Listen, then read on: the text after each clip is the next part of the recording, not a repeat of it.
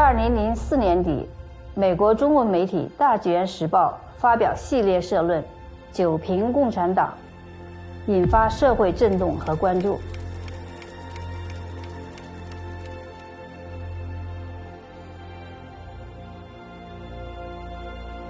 九评共产党第一次全面、深刻地揭露了中共对中国人民和中华民族造成的巨大伤害。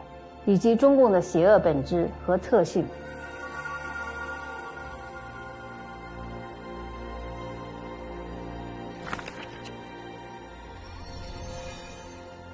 从而引发了一场人类有历史以来最大规模的和平、理性、非暴力的民众精神觉醒运动——三退大潮。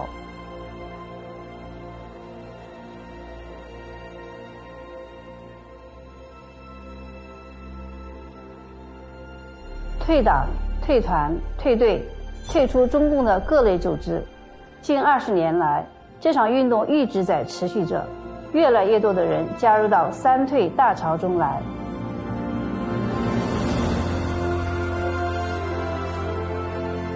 各位来宾、各位朋友，大家好！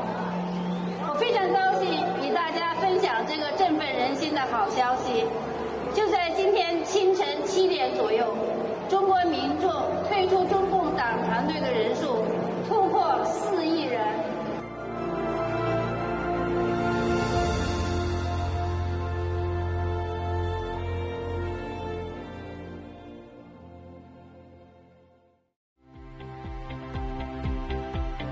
纽约，法拉盛，这是美国最大的华人聚集地之一。全球退党服务中心就坐落在这里。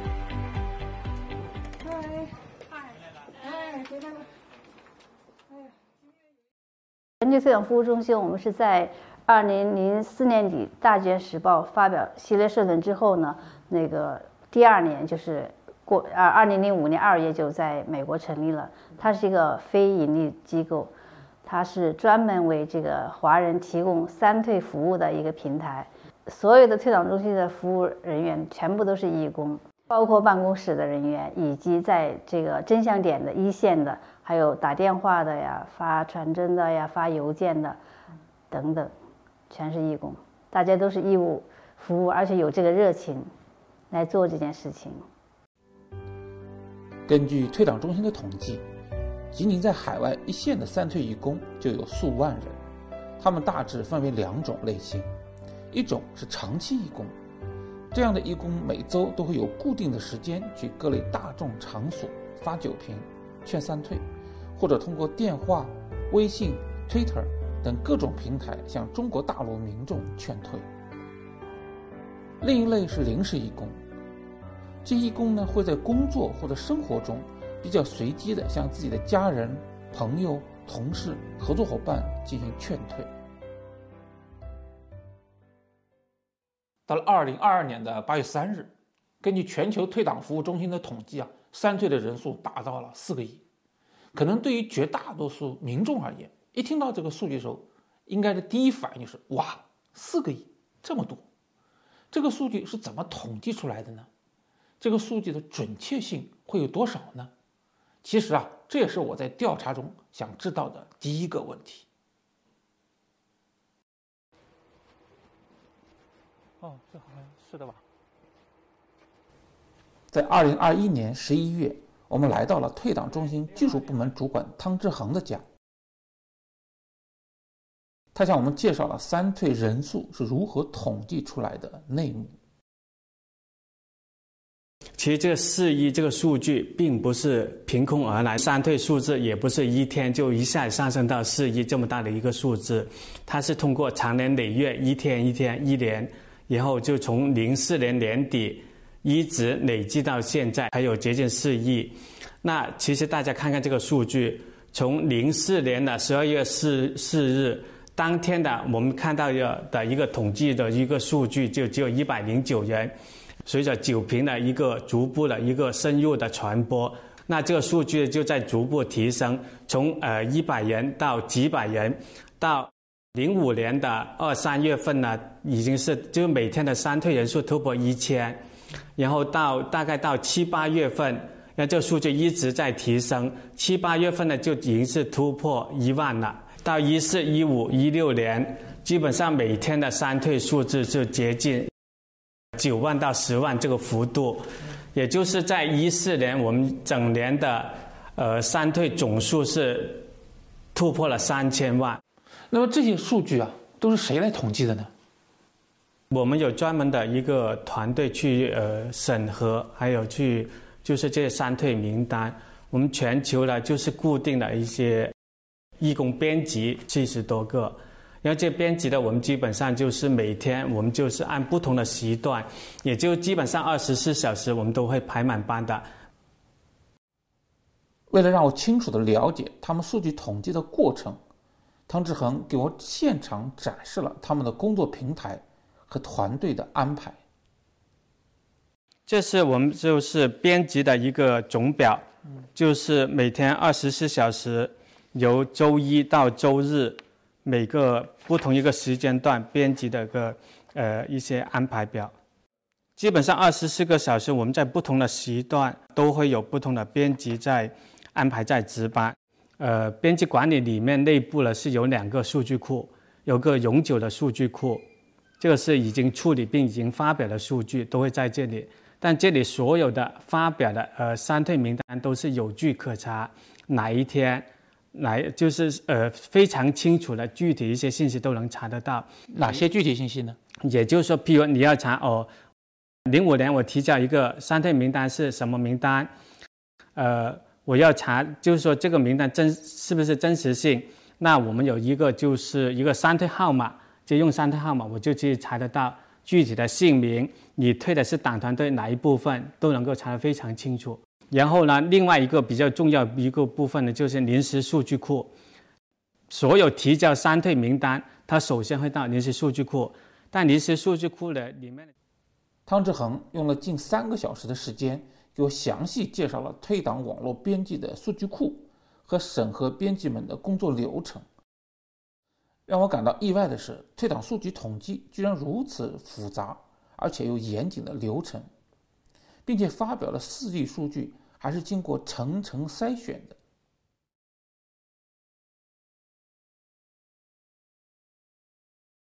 他叫李淑英，是退党中心的一名网络编辑。他目前的工作就是审核发表各地义工提交的三退名单。我很想了解，就是你每天是怎么工作的啊？每天的工作量是多少？那么你能给我展示一下子吗？可以，我让你看一下我昨天晚上工作的那个呃数量吧。OK，昨天晚上是几点到几点工作？呃，昨天晚上是八点到十点。嗯，我刚才查了一下，嗯，我有有将近处理了二百五十三条的声明。每个声明里边呢人数不等，有的是一人，有的是两人，有的是那个几十人。你看这里头还有九十人的。你知道这个总人数大概是多少吗？那我大致算一下吧。我昨天晚上处理数据，一共处理了九页，每页呢三十条。刚才以第七页为例，我刚才大致算了一下，就是每笔都加的啊，这数是准确的，是七百五十九人。嗯。但我就按七百人算，那我按照九月算，那将近六千三百人。但是我这个速度，因为我是新的编辑嘛，才处理一年，有些经验还不足，所以说要慢一些。哦，你在编辑里还算还算新手，就是呃不算太快吧，有的可能比我还要快。根据李淑英的介绍啊，她在两个小时的工作时间内审核发布了。六千多个有关退党的数据，那么他们每天呢有十一个人在值班，那么按照这个来演算的话呢，他们每天这些人可以发布啊七到十万个数据，那么从二零零五年到二零二二年十七年时间，他们有这个能力来审核发表四到六亿的数据。退党中心技术部调查结论：第一。全球退党服务中心官网的永久数据库中保留了四亿人三退的数据，这些数据具有唯一性和可追溯性。二，由于层层审核筛选，全球退党义工提交的数据实际上大于已经发表的数据。三，全球七十多名网络编辑有能力在十七年中完成四亿的数据审核发表。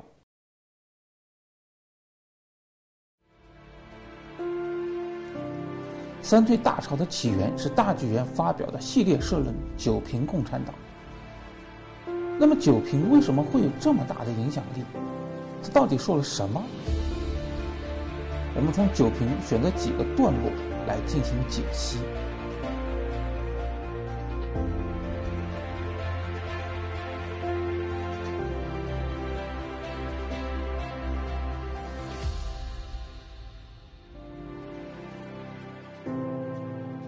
在九评中有相当的篇幅介绍了中共的历史，至少包括两个完整的章节，一是评共产党是怎样起家的，另一个是评共产党的杀人历史。提及中共历史研究，历史学者辛浩年可以说是华人学者中最具影响力的一位。辛浩年先生还有一段独特的人生经历，很有历史价值。那是一九七九年的二月。呃，达拉四人帮以后嘛，文艺正在要走向这个所谓新时期文学的复兴时代。呃，刚开始，全国呢，就是在北京召开了一个长篇小说作家座谈会。这个座谈会的主办人呢是人民文学出版社。当时我在安徽，我已经是一个出过一部长篇小说的作者了，所以我就被推荐到去参加。这个长篇小说座谈会，那么这个长篇小说座谈会是当时很被重视，中央的领导啊也也来来过看过我们，就是因为在这开会的过程当中，忽然有一天通知我们到中央礼堂去听胡耀邦的报告。他个子不大，个子很矮一个人，但是讲起话来、做起报告来生龙活虎，呃，给人感觉到他真诚。所以他当时有两句话，真的感动了我。他当时一句话说：“同志们，国民党打败了，逃到台湾都能学好，我们共产党就不能学好了吗？我希望大家相信我们，我们能学好。”这话讲的很真诚呢，我们也在灯光下看出他闪闪烁烁的有泪光啊。他讲讲讲讲讲激动起来了，因为我也不记得他这句话是连在哪里的，就是不久很快的就忽然冒出一句话，讲的声音很大很激动，啊，要是让人民知道了我们共产党的历史，人民就会起来推翻我们了。我即便是三四十年以后，我说这个话，我一个字都没错。胡耀邦讲过这句话，我想冒昧的问一句。你还有其他的证人吗？这个事情很有意思，这个事情和呃新唐人电视台《透视中国》过去的主持人林丹有关系啊。因为就是那个时候，胡耀邦先生担任中共中央组织部部长的时候，林丹的父亲就在他的领导下，在中央组织部里面担任组织局局长。是耀邦先生的得意的一个部下。后来我就向他问了一句话，我说：“一九七九年二月，我在中央礼堂听耀邦先生讲过这样一句话，我说你记得吗？我想考证一下。他怎么回答我？你知道吗？他在他说他在组织部内部经常讲这一句话。”这是他当面告诉我的，所以这句话那就落实了。落实就是我没听误，落实了，我有了证据，哎，证人名字都很清楚，是吧？那么从这句话就可以看出来，胡耀邦先生对自己党的历史是非常了解的，也是非常痛恨的。胡耀邦这句话好像还有一个意思，就是其实那时候的人他也是不了解中共历史的，根本不了解。在七九年那个时候，谁了解？了解的，大部分人已经被杀掉了，四九年后被杀掉了。共产党为什么在四九年以前要进行这个正反、土改、这个知识分子改造、反右派，就是要把了解一九四九年前中华民国的社会状况的那些人，了解那个时代社会真相的人，基本上清除掉，要不就是改造你的脑袋，压迫你不准你说一句真话。他目的达到了，所以四九年以后的几代人。对那段历史根本不了解，只能共产党说说什么就听什么。你刚才说啊，中共杀人，那么在九评中呢，有个专门的章节就讲中共杀人的历史。那么从你的研究而言，你认为中共到底害死了多少中国人？应该说，第一场镇压运动是在一九四八年的六月，叫做清匪反霸运动，很多人把它忘记了。因为所谓新中国还没有建立嘛，也就四八年的六月前后嘛，他杀谁呢？就在他已被他所谓解放的地区，杀中华民国政府的军警宪特，就杀中华民国政府的工作人员，就很重要岗位的工作人员，杀了多少？四百五十万。第一场，然后就是五零年的土改嘛。五零年土改，我所得到的数字跟现在他们找出来的数字，就是二十年前我在书中所讲的是基本吻合的，二百万到三百万之间，至少两百万地主给杀掉啊！镇压反革命总共的官方数字是七十多万，总共公安部的官方数字是七十一万多，而民间数字呢是三倍到五倍，全国反右派。我的数字是一百一十七万，我这从哪来的？是从民政部被打右派平反以后，来重新安排工作要工资啊，要要要划划拨工资啊，有一百一十七万个右派分子重新要开始发工资啊，回归岗位了发工资，但但这一百一十七万肯定不是全部嘛，因为死的很多嘛。据说现在当时打右派，当时自杀的。被迫自杀的，抓起来死在劳教所、劳改所的，加起来有二十万到三十万。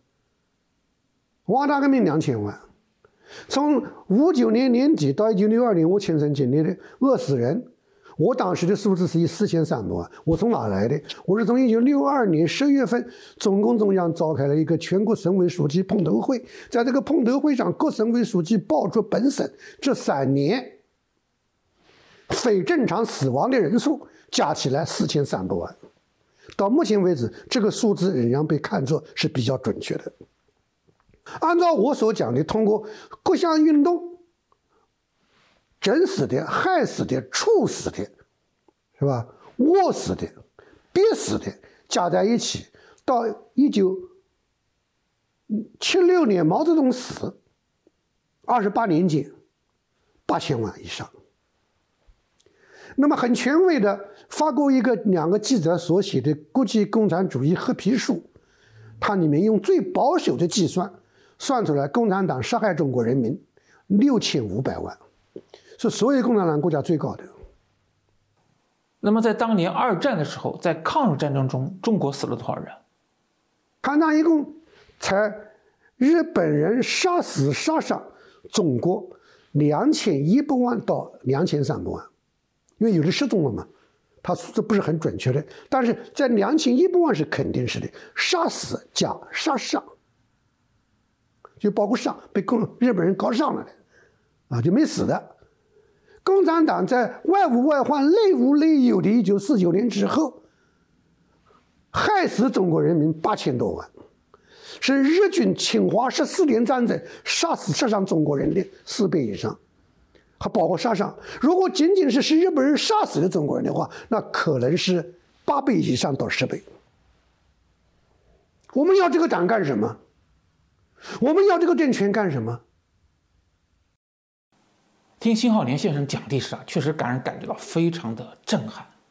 我想啊，生活在正常社会的人很难想象，中共的历史怎么会这么的残忍，而且这么多官员。面对这样的政治迫害，死了这么多人，难道他们无动于衷吗？他们没有人性吗？其实呢，在九评中啊，已经给了这个问题一个答案，那就是共产党它其实非常强调党性。九评共产党中有一个专门的段落，叫以党性取代和消灭人性。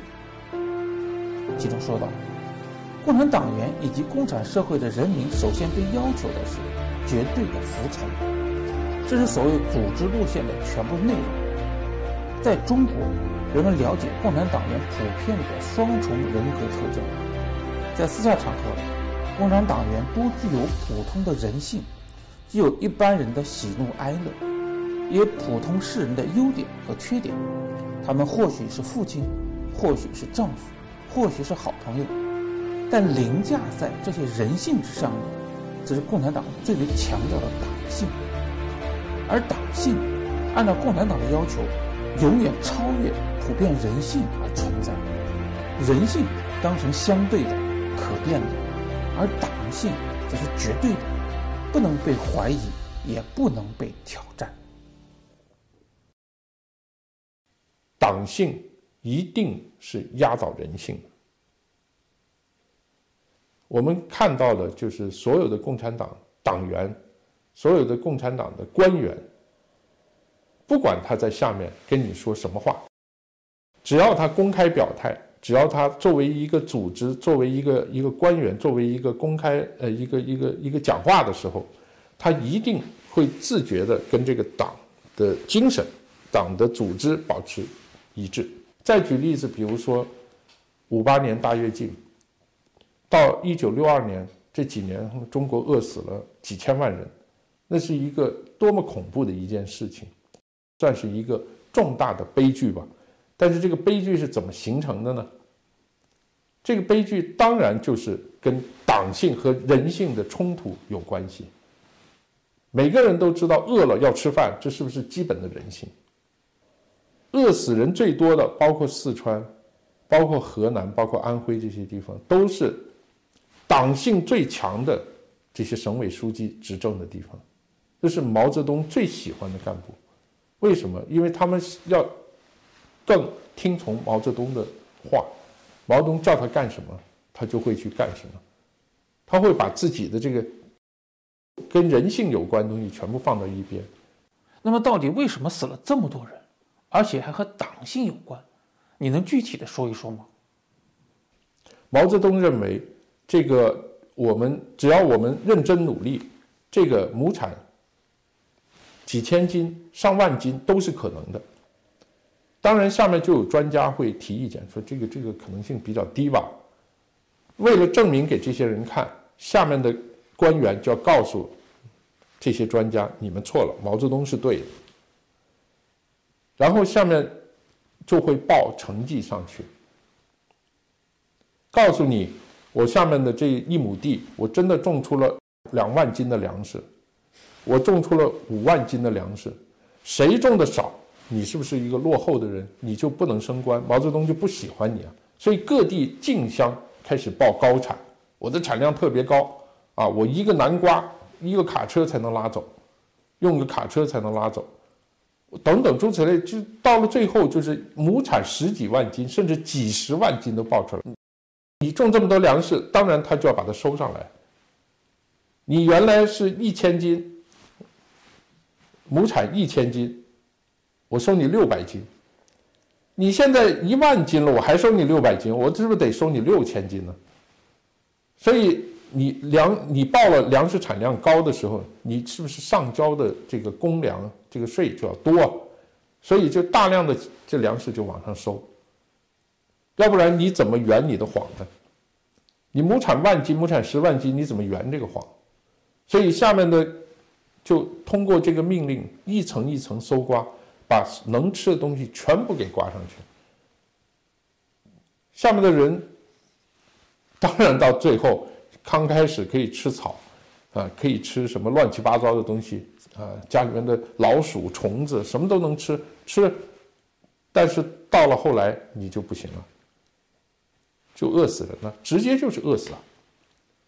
到了甘肃，甘肃也是饿死人比较多一个地方。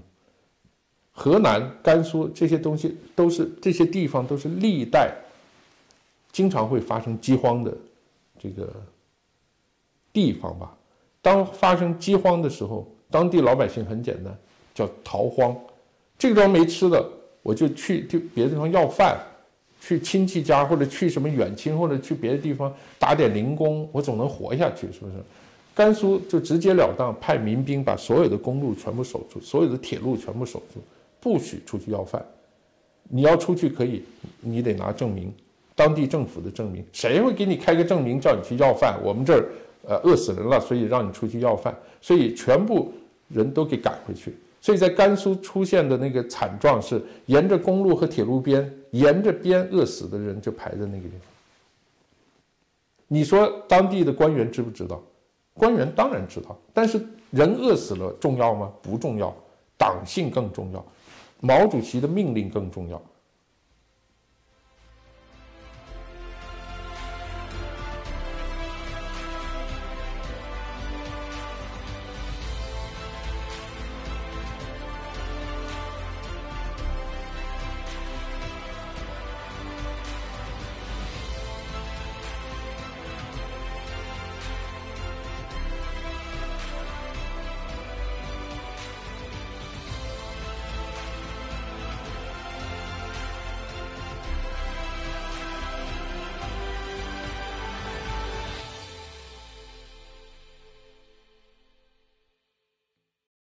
她叫潘淑珍，她和丈夫都曾经在中国科学院工作过，他俩都是在瑞士的三退一工。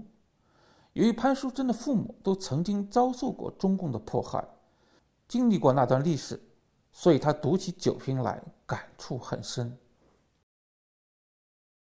我觉得《九瓶》写的太好了，是吧？要把我们这个心里话都帮我们说出来了。把这个共产党给揭的，真的揭得很透。我们呢，就是都经历，有的是经历过的，所以体会就比较深刻。那你看，那斗地主，我的亲戚是被斗了，呃，三反五反啊啊，这个斗争，你看这个就说反动会道门了。那我们家也是啊，亲身受害者嘛。我父亲被管制嘛，是吧？被共产党管制四年嘛。潘淑珍的丈夫杨礼芳曾经是前中共总书记胡耀邦的秘书，当时呢，胡耀邦曾经要把杨礼芳带去中共中央，这对很多人而言啊是一个前途似锦的事情，但是潘淑珍却不以为然。胡耀邦做了中国科学院的这个一把手的时候呢，我先生又给胡耀邦做秘书，那么呢？胡耀邦呢，他就是要回中央了，是吧？离开中国科学院，想要把我先生带走，带到中央去。当时呢，我就跟他说不去，我知道共产党那一套，是吧？所以我就劝我先生，结果我先生听我的了。我先生就说我我那个阻止他对了嘛。那胡耀邦最后不是也是吗？被这个邓小平给气死了嘛，是吧？啊，整他嘛，所以给给气死。你看这个赵子阳不也是吗？所以说，他说他亏着是吧？不去呃到中央给这胡耀邦做秘书，最后下场也不会是一个好下场。酒瓶发表不久，潘淑珍就和丈夫一起走向瑞士的旅游景点，开始向游客传酒瓶，劝三退。中共前总书记的秘书和他的妻子。在瑞士劝中国游客退出中共的党团队组织，这可以说是一条国际新闻了。我就在这个二零零五年，我就到了这个瑞士的那呃最有名的景点儿卢岑，叫卢塞恩，是吧？去这个发酒瓶讲真相，啊，劝退。到景点以后，开始的时候呢。也是难度比较大，是吧？呃，有一些人呢，啊，讥笑我啊，辱骂我，因为我没有挨过骂呀，是吧？骂的特别厉害，而且还推推搡搡，就是有些男的就是这样的。这个，那像我这个发材料的时候，我以为他要要这材料，拿过去以后，然后回过头来就用那个些那个报纸啊，就打我。当时呢，我呃，自己呢也有点儿这个爱面子啊，是吧？呃，有些心里不平衡啊，就心里难过。但是呢，我流眼泪，我也不让他们看见，所以我就是等着我回车回家的时候呢，坐火车，在火车上呢，越想心里就越难过，是吧？就流着眼泪回家。后来呢，我越想越明白了，我就是想着，如果他要看了酒瓶了，看了真相，明白真相了，他绝不会这样做，是不是？所以我不能呢。就是怪他，我不能怨他，是吧？所以我很理解。那么呢，我这一理解了以后呢，那我就老是面带笑容，不管他怎么样对待我，是吧？我都是啊，这个笑容满面的来对待他们。就这样呢，越来就越有经验了。在高峰的时候呢，就是我退呢，就是讲真相劝退啊，呀，有时候呢，一群一群人退。有时候一家人一家人退，有时候呢，一车一车人退，所以每天在高峰的时候，我劝退一百多人，啊，这一天，每天一百多人，那你总共劝退了多少？从，呃，这个二零零八年我开始，啊做的记录，那个时候就平均每年差不多就是上万人。所以有明白真相的人，而且有的亲亲身呐经历受共产党整的人，是吧？就是主动找我退党。有的就说：“哎，那位女士，请过来，哎，给我退了吧。”我说：“那好。”我说：“您真是明白人。”他说：“我说那我就给您起个化名吧。”不用，起什么化名啊？退我就堂堂正正的退，我怕他什么呀，是吧？你就给我起，不用起化名，就用真名退。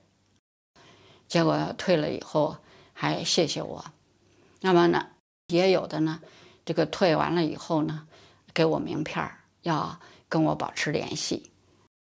那我呢一看，还真是还是个啊，这个司局级以上的这个干部，而且还跟我说。啊，回国以后跟我联系哈，我请你吃饭，就是非常高兴。哦，中共的司局级干部，那你在劝退中碰到过更高级别的中共干部吗？有一次碰上一个，因为我也不知道他什么，我看他那个举止行动就是就是一个高官。后来我就走过去，因为他倒是挺平易近人的，也是跟我们啊打招呼啊，我就说。哟，您的举止不凡呢。我一看，您是当官的吧？我说工屯部都出来了，大家就哈哈笑。后来有的就说：“哎，你还真有眼眼眼力，还不是一般的官儿哎。”我说是吗？我说我看着也像，那工屯部都不是一般的，是吧？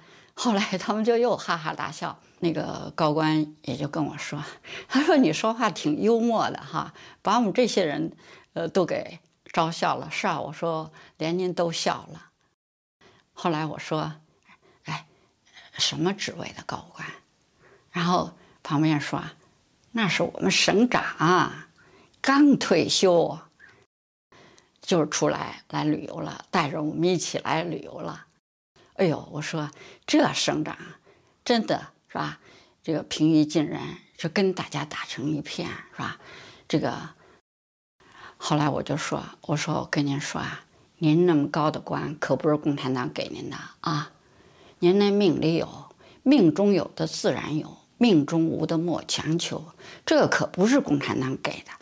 如果不是共产党，您也当官儿因为您命里有。”后来他就说：“是吗？”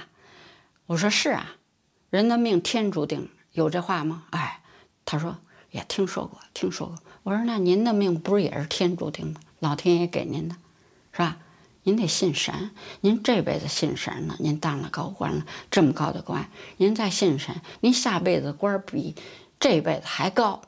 哎呀，那我就借你吉言嘛，就说，我说那您得听我劝，得真的信神。您知道共产党无神论吧？是吧？共产党的领袖马克思列宁大鼻子，是吧？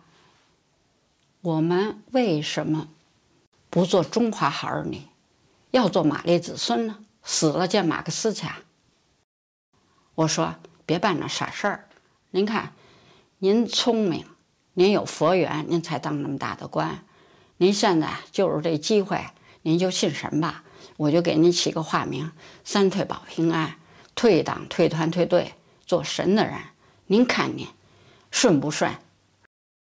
我说，不仅退了以后保命保平安，您还长寿。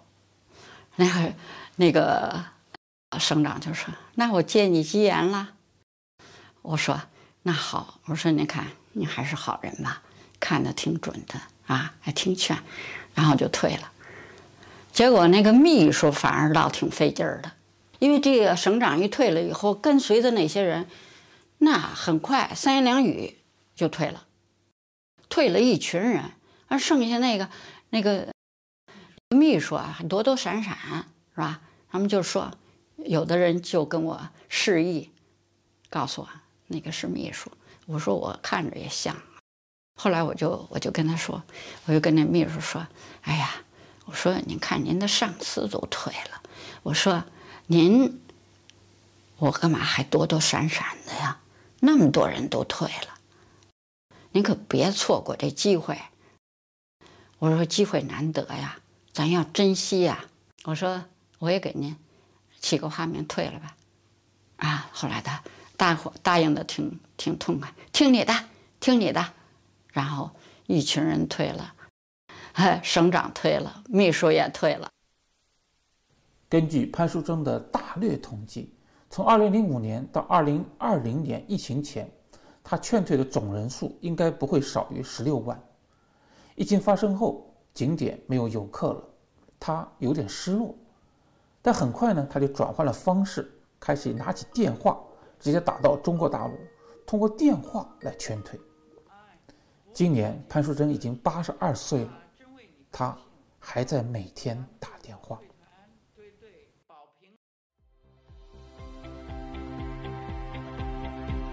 旧金山渔人码头。这里是美国著名的旅游景点，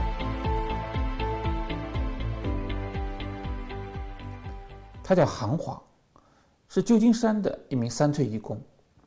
从2013年起，他和妻子几乎每天都来到这里向游客传酒瓶、劝三退。根据他们自己的统计，近十年来，他们已经劝退了十二万多人，最多的一天劝退两百二十多人。我看到你那个统计数据啊，说你最多一天劝退两百多人，那你在景点一天几个小时啊？我们是这样，因为他早晨啊九点以后到十点就开始人就开始上来了，就人人非常多了。一到晚上黑天一直都有人，但是我们做不了那么长时间，做到下午三点，我们九点就去了哈，坐到三点多钟。完了，我们就有的时候走了，有的时候实在人太多哈，我们就坐到五点钟，一直在那推。你时间长，退的不就更多吗？那在这个过程中，你能够同时劝退多人，就不是一个人？那是经常的，因为你就是说一个一个讲，说你退二百个，你搁那待五个小时，你算一算多长时间一个？而且不是那么计算出来的，因为说有的时候碰到。这一来一群人，有的二十来个，有的十七八个，有的十多个，有的五六个，经常碰到。呃，因为我的经验呢，我们经验是，不要上来就给他做三退，那样成功率很低很低的。咱们，呃，乍开始也试过，就是没有经验的时候，上来就问三退的事儿，你知道吗？把你曾经入过的少先队共青团党退掉，基本不接受。后来就是。掌握一些方法，就是先给他介绍，因为他是来旅游的，给他介绍景点儿，景点儿都有什么好玩的，哪个景点是什么情况，你到这个地区，你应该到哪儿去玩去？你给他介绍完了，你再介绍你是什么地方的，这个很主要。你一说你是家乡什么地方，他感觉你和他就是很亲近，他就没有介意了，而且他也说他是什么地方的，这样一沟通没有隔害的时候，你再说什么就很。沟通很很正常了，你再问他入过党、入过团没，他很就是没有什么就是障碍了，他直接就告诉你我我是党员，我是团员，我是少先队，曾经入过。完了，你给他一起好的名字，这化名，你告诉他用这个退，用这个退，他就很自然的接受。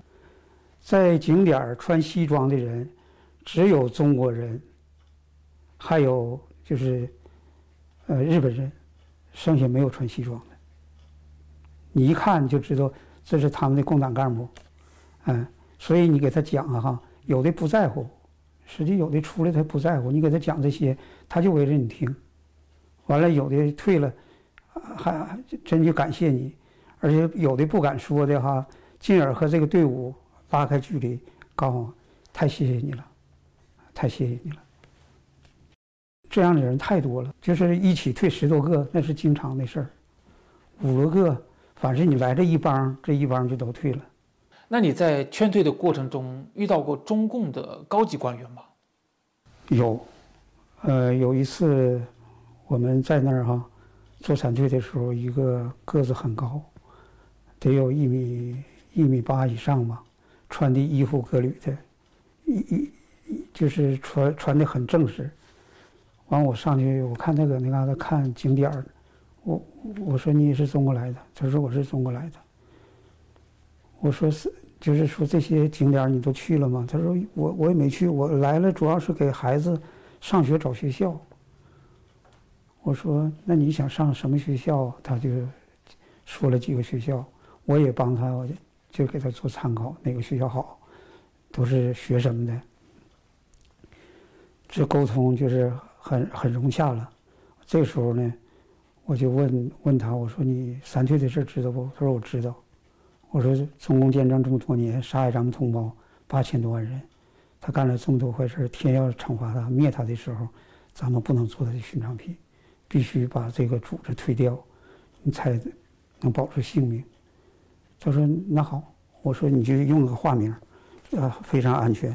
我说你就用这个化名，把你党曾经入过的都给他推掉就可以了。”他说：“行。”他告诉我：“他说你知道我我的身份吗？”我说：“我我说我不太清楚。”他说：“我是哪哪个哪个国家的大使？要是大使的话，我感觉都得。”副部级以上的那个官员，哎，他是一个大国，还不是个小国，哎，就是这样的事情也也能碰到。那他退了以后呢？退了以后很高兴啊，他说我碰到你这么个人，真有中国人的骨气，真有中国人的骨气呀。那这些年啊，你劝退人数最多的一年是哪一年？一八年那年呢，就是游客，我们感觉是高峰，哎，所以退的也最多。那一年我们退了三万多，而且呢，就是单月退好像是八月份退了四千多，啊，那人就是简直退不过来，太多了。而且就是咱们展板跟前儿，经常就是说，中国游客围着一圈儿，都搁那看看展板，哎，完了你给他讲。就是很容易，因为就是说我们做这件事，就是摸到了中国人的心理状态，所以讲起来也得心应手了。后些年就是，呃，来了基本上都能够退掉。你劝退这些年啊，你每年会有多少天去这个渔人码头呢？得有二百六七十天吧。那就基本上是一周五天了。嗯，基本上。那我能关心一下子吗？你这么天天的去景点劝退，那你的生活来源怎么办呢？来了以后啊，在旧金山就是租了一个一个小套屋，很小的房间，嗯，生活上很简朴。在采访中，韩华告诉我，他们一年大部分时间都在渔人码头，所以家里的生活非常简单。一个月基本生活费有五百美元就够了。由于时间长了，韩华和妻子与渔人码头的工作人员以及很多商家都成了好朋友。他们知道韩华的时候，很多也在给予默默的帮助、支持。有人给我们送水，送吃的。你看那边有一个大的面包店，世界上最出名的面包店，面包都很贵嘛，一个都四五块钱，一送就给我们送一箱，而且那个那边那个渔港打鱼的人还经常给我们送鱼，送完东西你都找不着人，这东西给你放到你那个展板车跟前儿就走，等俺回来一看，都不知道谁送的，周围的人。都知道我们在做什么。我们就是要是有几天要是没去，有事情没去，回回来以后，都紧着问你们这两天咋不来呢？上哪儿去了？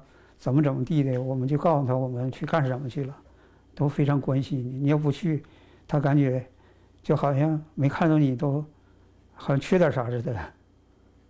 就是说，人们逐渐的明白真相，知道你做的是最善良的事儿、最有意义的事儿的时候。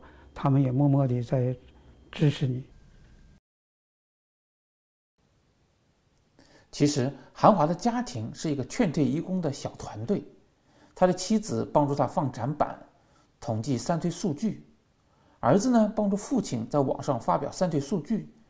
由于三退的时候呢可以用真名，也可以用化名，所以为了方便劝退呢，他还帮韩华整理出了三退化名的名单。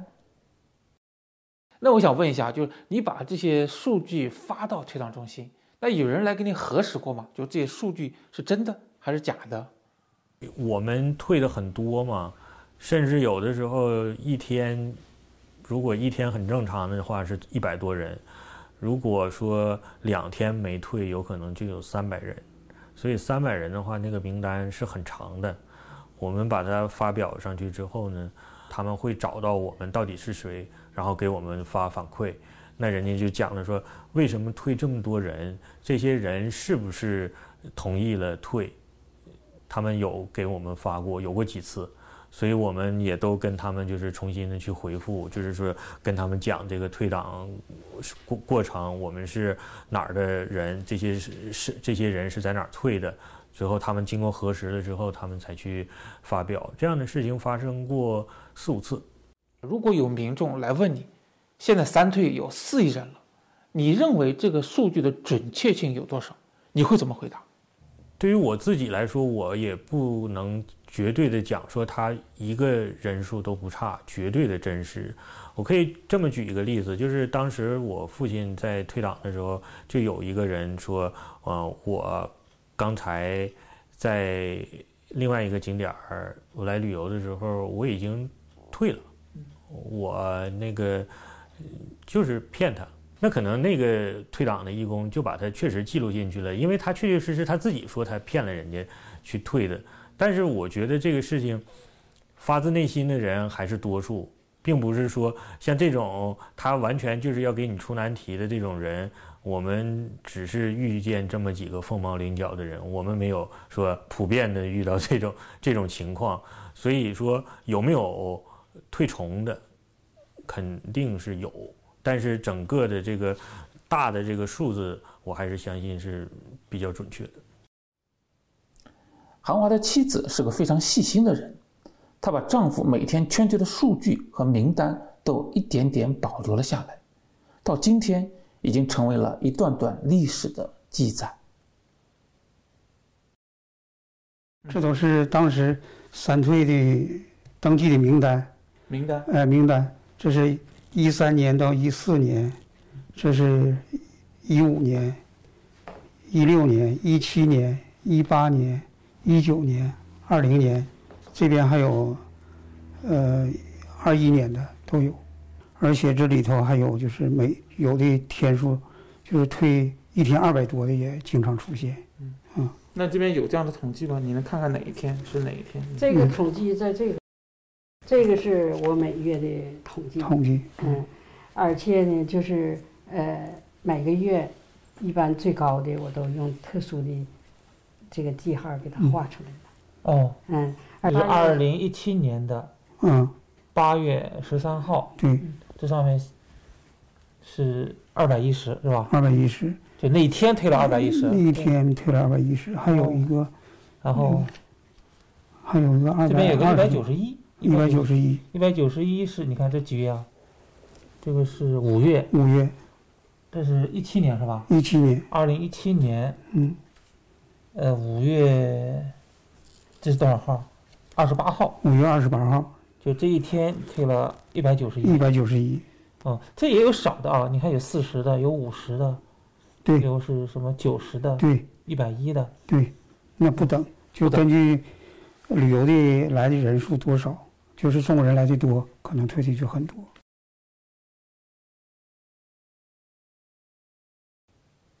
他叫梁真，是大纪元香港分社的一名记者、视频网络主持人，同时呢，也还是一名三退义工。从2005年一直到现在，他见证了香港民众传酒瓶劝三退的历史。作为记者，其实我是觉得我非常的幸运，然后可以说是见证了这个退党大潮。从退党大潮开始，就是酒瓶刚是出来的时候，呃，香港差不多派了一百万酒瓶，就呃包括送到大陆去，所以我们在第一个月就派了几十万的酒瓶。我当时在采访，呃，酒瓶还没有出完的时候，比如说第五瓶的时候，每天出一瓶，然后每天做采访，呃，然后民众街头巷尾在那议论，哎呦。那个那个做了很多采访都可以看，然后包括有孙中山先生的后人，呃，当时也流着泪看到第六瓶的时候，主动找到我，呃，就是讲他的故事，因为他是当时是孙中山的侄孙，然后在中国大陆就被迫害啊，跪玻璃呀、什么的，所以他自己亲身经历，然后就是酒瓶讲的全是真的，全都经历过，所以他也退党。呃，就是给我讲他的真实故事，好多，因为香港的人很多都受过中共迫害，这酒瓶讲的东西历历在目，很多人看了以后非常开心，而且非常的感动。所以当时我们就派大量的游客就去拿报纸退报纸，哎呦，那时候一下子就炸开了。那我想知道，就是你亲自去做过劝退吗？你给哪些人退过呀？其实呢，我是觉得这个现的退党哈，因为从二零零五年到现在已经是十七年的时间哈，那其实退党是深入民心，所以呢，并没有像我们刚开始的时候哈，大家退党啊要花一些功夫啊那么难。其实现在劝退很容易，几个月一次的退党游行，然后是声势浩大。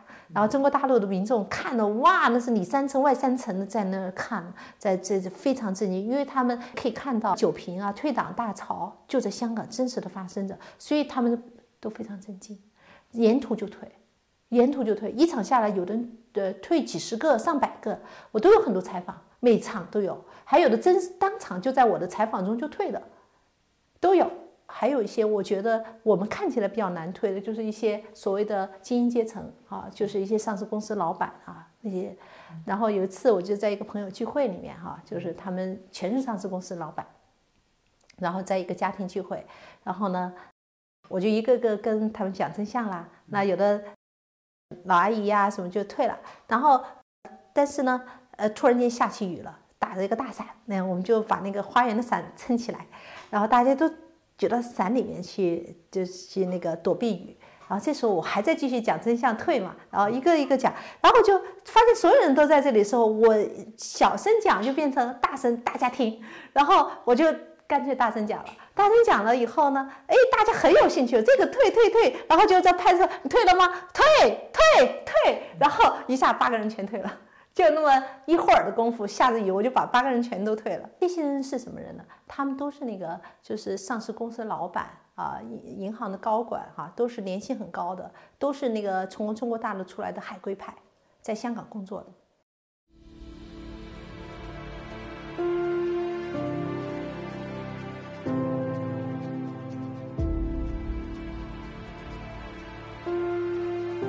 酒瓶这个。这个整个社论里面，我觉得它最重要的是把共产党和国家分开，共产党和政府分开，政权和老百姓分开。这一点是酒瓶的一个，我认为算是一个贡献吧。当然不是说以前没有人提这个问题，也有人讨论这个问题，但比较系统的、很简单的就把它说清楚的，这个确实是酒瓶做到了。所以在二零零五年以后，我们在互联网上经常可以看到中国的网民发出这样的提问，就是：哎，你是党哎，你不是政府啊，就是中国人会把这个开始分开了。这个问题一旦分开，共产党马上就面临一个它的合法性的问题。所以这个是一个非常非常基础的一个问题。所以我们在后来这十几年吧，在中国的互联网上讨论的时候，你会经常的发现有类似的语言会出来。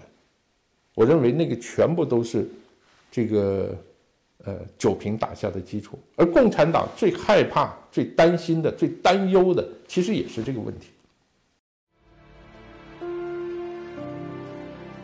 九平共产党中这样说：“党在中国成为了至高无上的称呼，国家反而成了党的附庸。国家为党而存在，党成为人民的化身，国家的象征。爱党、爱党的领导人、爱国被混为一谈，这是中国爱国主义被扭曲的根本原因。在长期教育宣传的潜移默化影响下，很多党员。”非党员都自觉不自觉地把党和国家错位，认为党的利益高于一切，或者说默认党的利益就是人民的利益、国家的利益，从而给中共流氓集团制造了很大的出卖国家利益的空间。这种呃长期的这种熏陶之下呢，中国人确实，包括我自己，在中国大陆的时候，甚至我刚到了美国的时候，呃，我们确实没有把这个共产党和中国给。区分开，我想中国人民可能几乎百分之九十九都是这样的。那这个酒瓶出来以后呢，这个就完全，我想只要读过的人，都可以这个所有对共产党的认识呢，都完全改观。海外啊，就是说像这大剧院、新唐人很多媒体啊，对大家都提出来，就是说法轮功学员游行的时候都喊出来“中共不等于中国”这个口号的时候，呃，中共非常害怕，中共也害怕。你看到，尤其是当美国政府。呃，国美国国务卿、美国外交外交的最高官员都开始说中共不等于中国的时候，他要把中共中国分开来，那对中共来说那是灭顶之灾呀。从二零一七年川普政府开始到现在，美国政府的两任国务卿蓬佩奥、布林肯以及其他高级官员多次在发言中把中共、中国和中国人民区分开来。二零二三年一月十日，美国国会专门成立了美国与中共战略竞争特别委员会，这是美国历史上第一次成立了专门针对中共的委员会。而这个委员会的主席在成立时的发言中这样说：“Front here in Congress to counter the Chinese Communist Party, and in so doing, at every step along the way, we must make sure that we are drawing a distinction between.” the party and the Chinese people, with whom we have no quarrel, and who are often the primary victims of CCP, CCP aggression and repression. 我有机会接触到蓬佩奥他们这个手底下一些智囊呢，就谈过这个问题。他说我们分得比较清楚，我们分清楚中国、中国共产党，然后中国政府跟中国人民，它分四块，分四块。 中国就是传统的中国、历史的中国、文化的中国。中国共产党是这个党，中共政府呢是这个政权，然后中国老百姓，它分成四块。所以他们跟我们讲，那我们就提的政策呢，很准确的要确定我们要打谁，因为我们要晓得谁在打我们。我主要敌人是中国共产党跟中共这个政权，我不是要跟中国老百姓为敌，我也不是要跟中国为敌。所以他分得很清楚，他非常清楚讲说，我们不是反对中国，也不是反对中国人民，我们只是不同意中国共产党及中共政府的这种做法，讲得非常精准，这就分清楚了。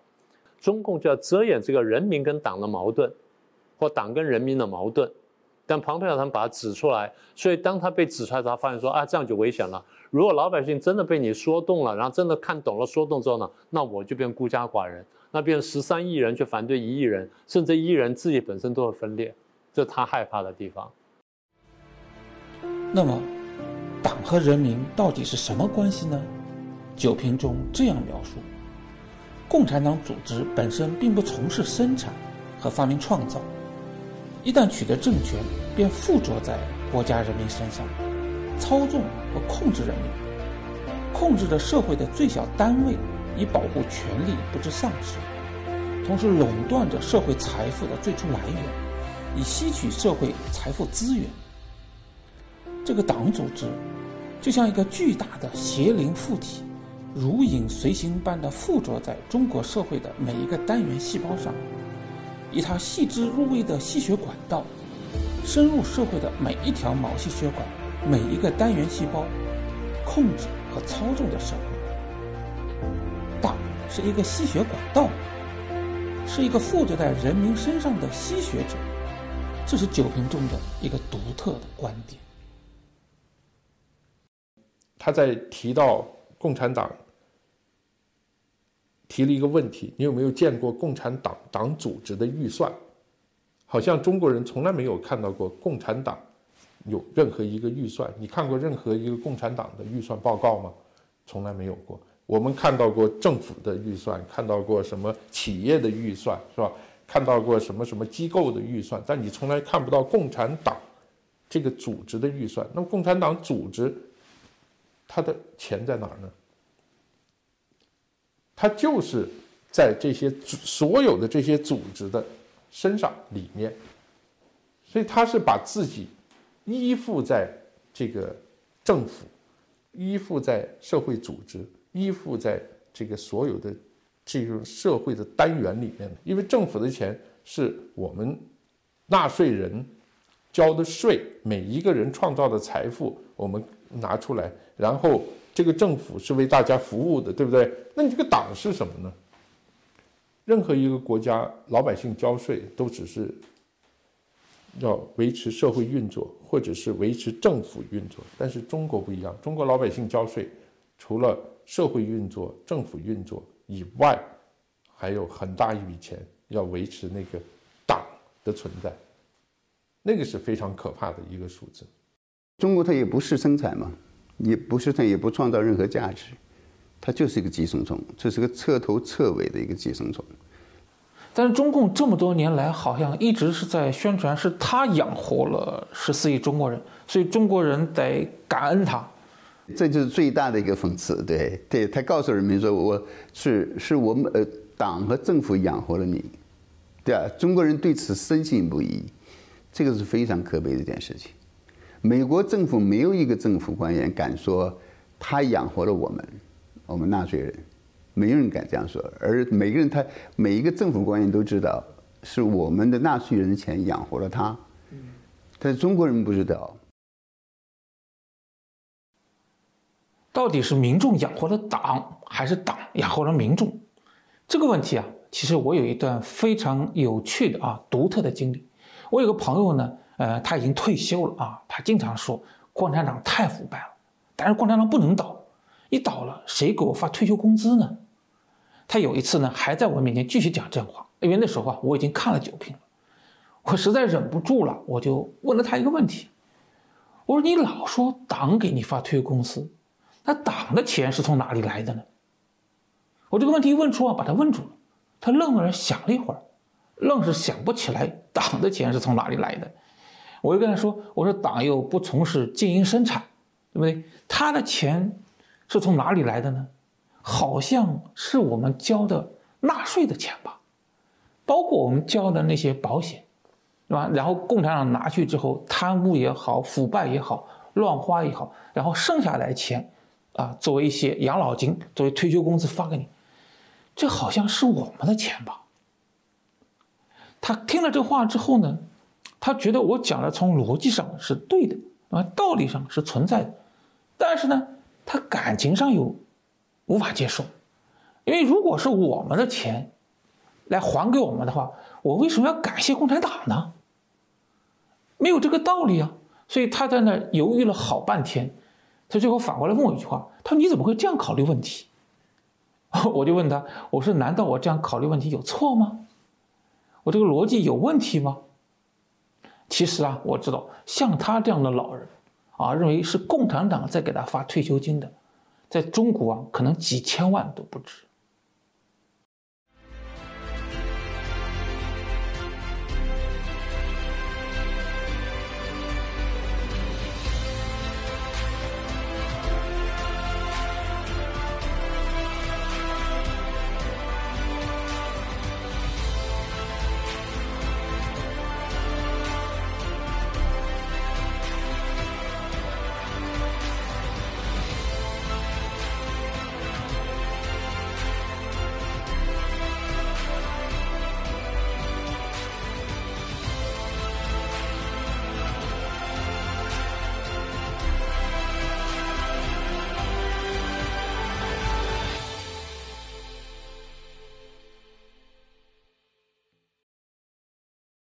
她叫李素贞，是在台北故宫博物院的一名三退义工。她从2008年开始做义工，据她介绍，到2013年的时候，台北迎来了大陆游客的高峰期，非常多的陆客在这边做拍照，所以我们在帮助陆客拍照的同时，也同时在帮他们做三退的动作。二零一三到二零一四来了那么多陆客的时候，所有的各地的义工都往故宫这来，然后他们一来，哇，那最多的我是没有碰到，是有就是义工其他的义工告诉我说，他一天能退两百多个，我就想那我也要加把劲。那个时候，呃，二零一三到二零一四的时候，我也几乎都可以退到七八十个。六七十个，那因为故宫有四个高峰期，就是在过年的时候是一个高峰，然后再来呢就是五一长假，然后再来就是暑假，再来就是十一的长假，很明显的那个陆客来的那个量就大，我们退的就很多。那今天游客很多，那么除了故宫博物院之外，在台北其他地方？还会有三退义工吗？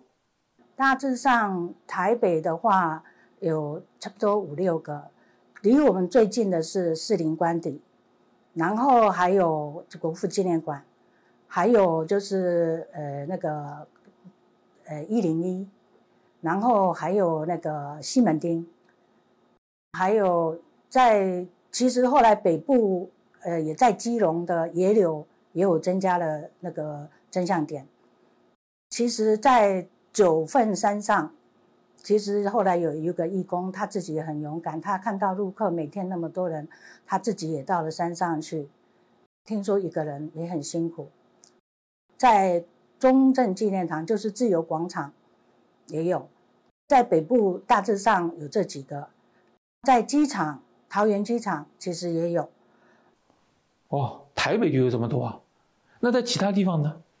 在台中有日月潭，还有彰化，还有就是，诶阿里山、嘉义，还有在台南的赤坎楼，还有高雄夜市六六合夜市，然后还有垦丁，就是鹅銮鼻，对，大致上我比较清楚的大概有这几个景点，甚至在我们台湾离岛，金门、澎湖。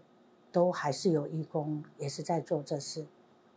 根据李淑珍的介绍，从二零零八年到疫情前，她平均一周呢，一般来景点两到三天。目前大概已经劝退了两万人左右。那是一个两个，一个男的，一个女的，小男生跟小女孩。男的我先跟他退，那我就说，你看你来的台湾这么好，那共产党不等于中国喽。那你看，那个东西柏林墙为什么一夕之间倒塌？就是把现在跟以前就是有历史的见证的东西告诉他以后，他非常震撼，他马上退。可是退后他就说：“阿姨，你等我一下。”他马上去找的他的同伴：“阿姨，你再跟他说一遍，我不会说。”我就把我刚刚讲的这些再告诉他，他就非常感动，然后两个就非常高兴的谢谢阿姨。那所以。每天你可以感受到我为什么那么爱做义工，是因为当一个人明白的时候，你那种感动，跟你那种觉得他们明白了，你那种很欣慰的那种情况，你就会觉得说，肯定要讲。他叫潘庆英，是澳洲的一名三退义工。潘庆英啊，是我采访中遇到的劝退人数最多，也是投入时间最多的义工。他去过很多国家。但是据他自己统计，仅仅是澳洲和法国加起来，他就劝退了十七万多人。在巴黎呢，我一共连续的，呃，有七年，每年呢是三个月，三个月呢，呃，因为那里游客多嘛，游客多，那个特别是一五年，和到一四年，我退的是最多的。为什么呢？那个时候是高峰，特别是一五年，一五年我三个月，其中有两个月，一个月是五千多，这两个月都是五千多。你劝退这么多人，那你一天的工作时间是多长啊？十个小时、八个小时，这是正常的，比较多的，在巴黎多。一天十多个小时劝退，哇！你毕竟七十多岁了，我想问你的体能能跟得上吗？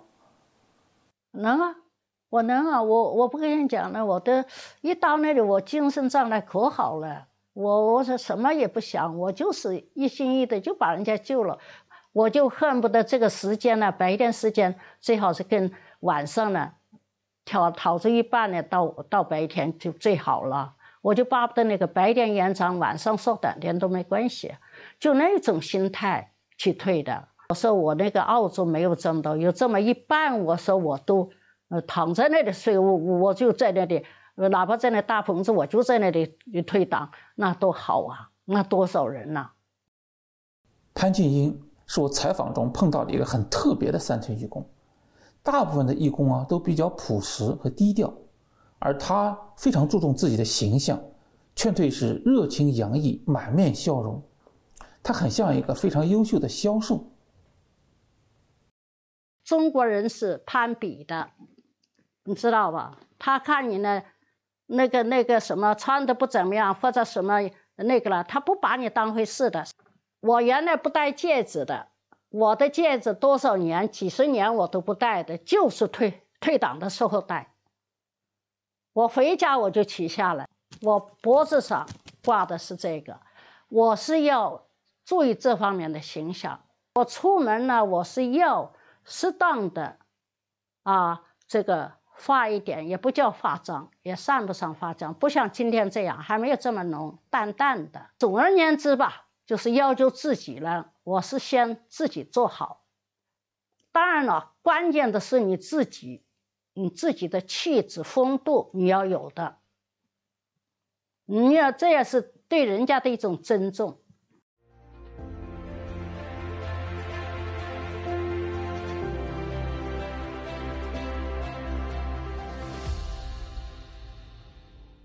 其实过去很多人在讲共产党的时候，通常是把它当成一个政治团体啊，就是一个政党啊，它有它的纲领，然后有它的一套这个组织。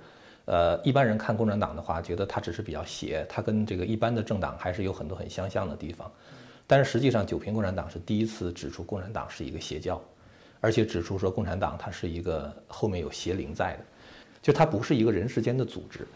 呃，你会看到共产党做的很多事情，它不是人间的组织能够完成的。马克思其实在《共产党宣言》的时候，第一句话他就讲嘛，他说一个幽灵，共产主义的幽灵在欧洲上空游荡。呃，它这个幽灵的话，其实你翻译成中文是这样翻译，它也可以翻译成为，比如说是魔呀，或者是这个邪灵。所以我觉得九品共产党是第一次把共产党的这个本质讲出来了。九评中有一评就是评中国共产党的邪教本质，其中这样说道：当共产党这个幽灵来到人世间时，他带着一个可怕的使命。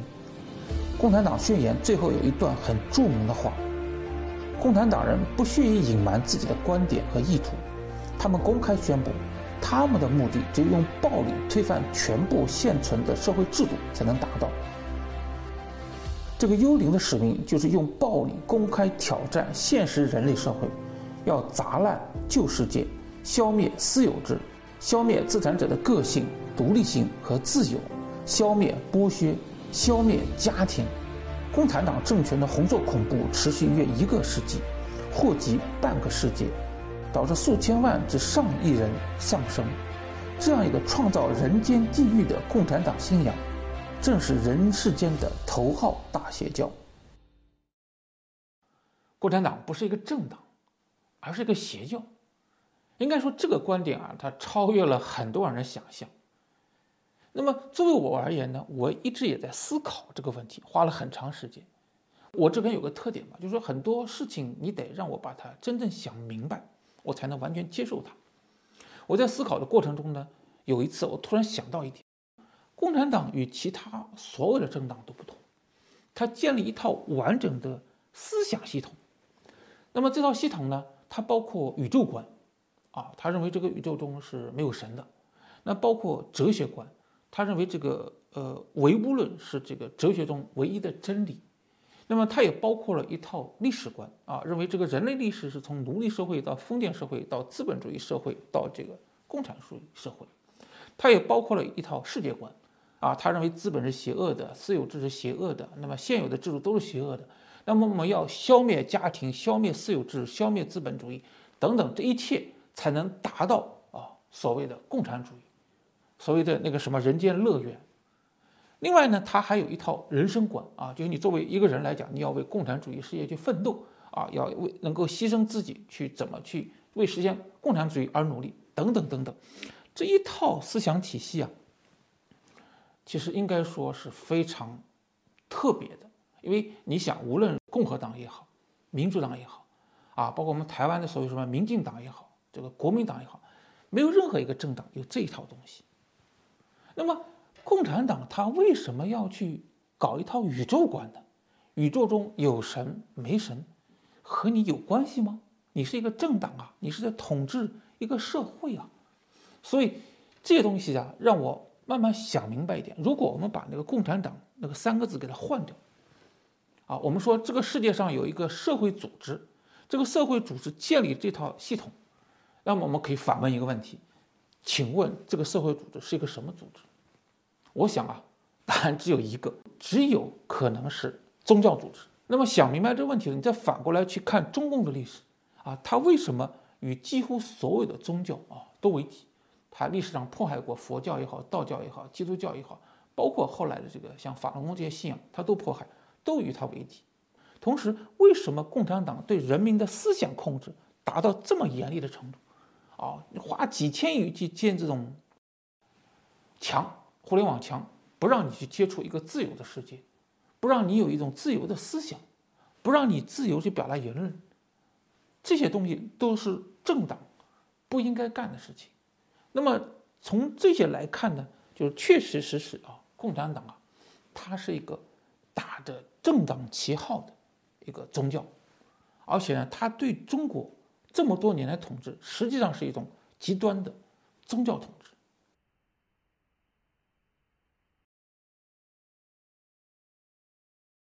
对于中共在中国的统治，实际上是一种宗教统治。辛浩年先生有着他独特的见解。宗教是不能跟政治相关的。欧洲最大的进步就是在十八九世纪，终于把宗教从政治舞台上推下去了。因为宗教一跟政治结合，它就跟普通的国王、皇帝不一样。普通的国王或皇帝管的就是社会，管的是人生，管的是你的生活、生命，对不对？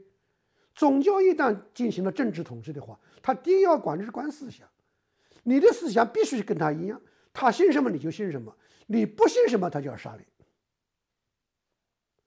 所以宗教统治下有两种特殊的斗争，一种就是对异教的斗争，那就像我们的阶级斗争一样，我跟你不说一个阶级，所以我们无产阶级非要消灭资产阶级，消灭地主阶级，对不对？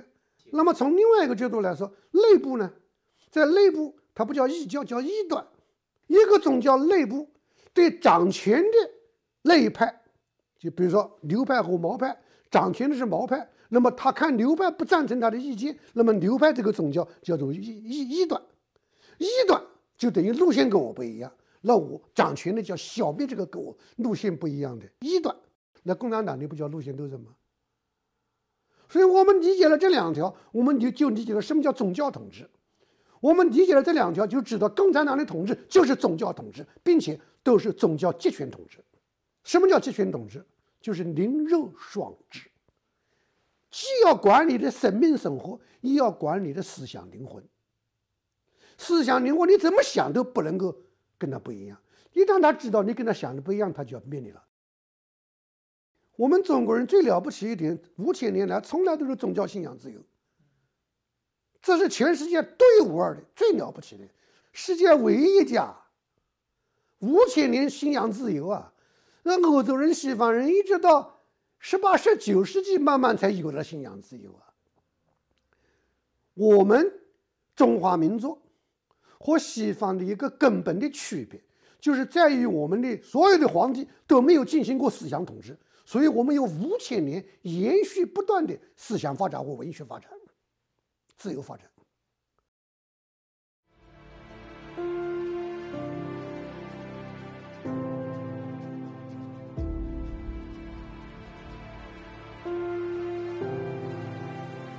九评中在中国共产党邪教本质这一章还介绍了中共入党宣誓仪式，其中的宣誓词有：对党忠诚，积极工作，为共产主义奋斗终生，随时准备为党和人民牺牲一切，永不叛党。目前在中共党章中的第一章第六条还能查到这样的内容。你会看到这种场景，就是当人入党、入团、入队的时候，都是举着拳头对着那个共产党的那个旗、党旗、什么团旗之类的发誓嘛，就是要把这个生命献给党。那其实就跟那个宗教的入教仪式是一样的，就当你有这个发这个愿的时候的话，你就等于被他给控制了。那一个人被魔控制的话，那是很悲惨的。马克思当时其实写了。一些诗哈，那个诗里边，马克思就讲，他说到那个时候，我会在你耳边低语，说跟我一块到地狱去吧，然后大笑着带着你一块到地狱去。我说的不是他的原话，大概就是这样一个意思。所以呢，就是说，我非常相信，就是说，如果你信了共产党，又对他发那种誓的话，最后就是那样一个结果。那在美国入党需要宣誓吗？当然没有了。你看，咱们在美国的话，就是说，你一旦是美国公民，你申请驾照的时候就问你嘛，你要不要就是注册每个某个某个党，就啪挑个勾，我就是这个党了。而且你对这个党没有任何义务，就是你不一定非得去参加这个党的活动，你也不需要去这个给这个党捐款。只不过在投票的时候的话，你可能会去投这个党的这个候选人，但是你也不一定，因为你投票的时候你投谁没有人管你的。我也想了解一下啊。请问你做过三退一攻吗？这个我觉得很多人都会有，就是因为我是一个法轮功的修炼者嘛，我相信是有神的。那如果共产党它是一个邪教，它后面是一个魔的话，我们就用魔来形容它。那这种情况下，你就会觉得你所在意的人不希望他被这个魔控制，所以你就自然而然的话会想劝他们退出。所以家里边的亲戚朋友同学什么之类的，我能想到的我就去跟他们讲，很多他讲讲明白之后就退了嘛。因为其实每个人自己生活这圈子里边，亲朋好友几十个人、几百个人还是有的嘛。就是你就劝他们退退出去。像有一次我们，我也不能说具体的名字，就是非常好的朋友，然后我们一块儿出去吃饭，回来路上我就跟他说，我说其实我真的很 care 你，就很在意你的安全。我说你就。退了啊，这样的话呢，我觉得我就对得起你，我也放心。我说要不然的话，我会觉得总惦记你。那他也知道说，你为什么总惦记我退党不退党这事儿呢？他知道就是我一定是为他好。再说对他来说，他也不损失什么，他就说那好吧，你就给他退了。我在采访中啊看到，也可以这么说，就现在法轮功学员其实是三退一攻的一个主体。那么为什么会有这么多的法轮功学员来做三退一攻呢？其实是一种信念。你知道，在美国哈。这个消防员是义工，这个可能很多人都不知道的，就是在中国大陆来的人可能都不知道的。消防员那是很危险的事情，对吧？就是你冲进一个火场，房子可能会塌，或者怎么怎么样，就是它是一个非常危险的工作。但是有人他就去做这个消防员，是义工啊。这么危险的事情也有人做，为什么呢？因为他不想看到生命的损失啊，看到就是这个人在火场里边，比如说被烧死或者怎么样，很惨或者烧伤。那其实呢，就是作为一个信神的人来讲，他知道这个人一旦入了党之后，比那个燃烧着大火的房子里边还危险。其实你看到一个房子着火，你比如有个小孩在那儿，你本能都想一把把他拉出来，对吧？这是人的一种一种完全是本能，因为你看到了，你想把他救出来。但是如果你看不到，那你就是靠信念，就是我。真的相信这个人入了党之后，最后就是那样的一个结局。就是马克思说的，他会把你拉到地狱里边去。那你肯定想把那人一把拽出来，你不要跟着马克思走嘛。的确，从三退大潮到现在来看的话，法轮功学院在那个推动民众三退中呢起着主导作用。啊，当然还有许许多多的民众、正义人士都在推动这件事情。那法轮功学员能够成为这个主体呢，是因为他们在九九年、七二年的时候受到这个。中共邪恶政权的迫害，他们在就是讲真相、反迫害的过程中呢，就必须要讲的为什么共产党要迫害法轮功。所以我觉得最了不起的是法轮功学员在承受巨大苦难的同时，站在这个反抗中共暴政的最前线，同时也为广大的这个呃所有的中国人来着想，就是为他人着想嘛哈。希望人们有一个美好的未来。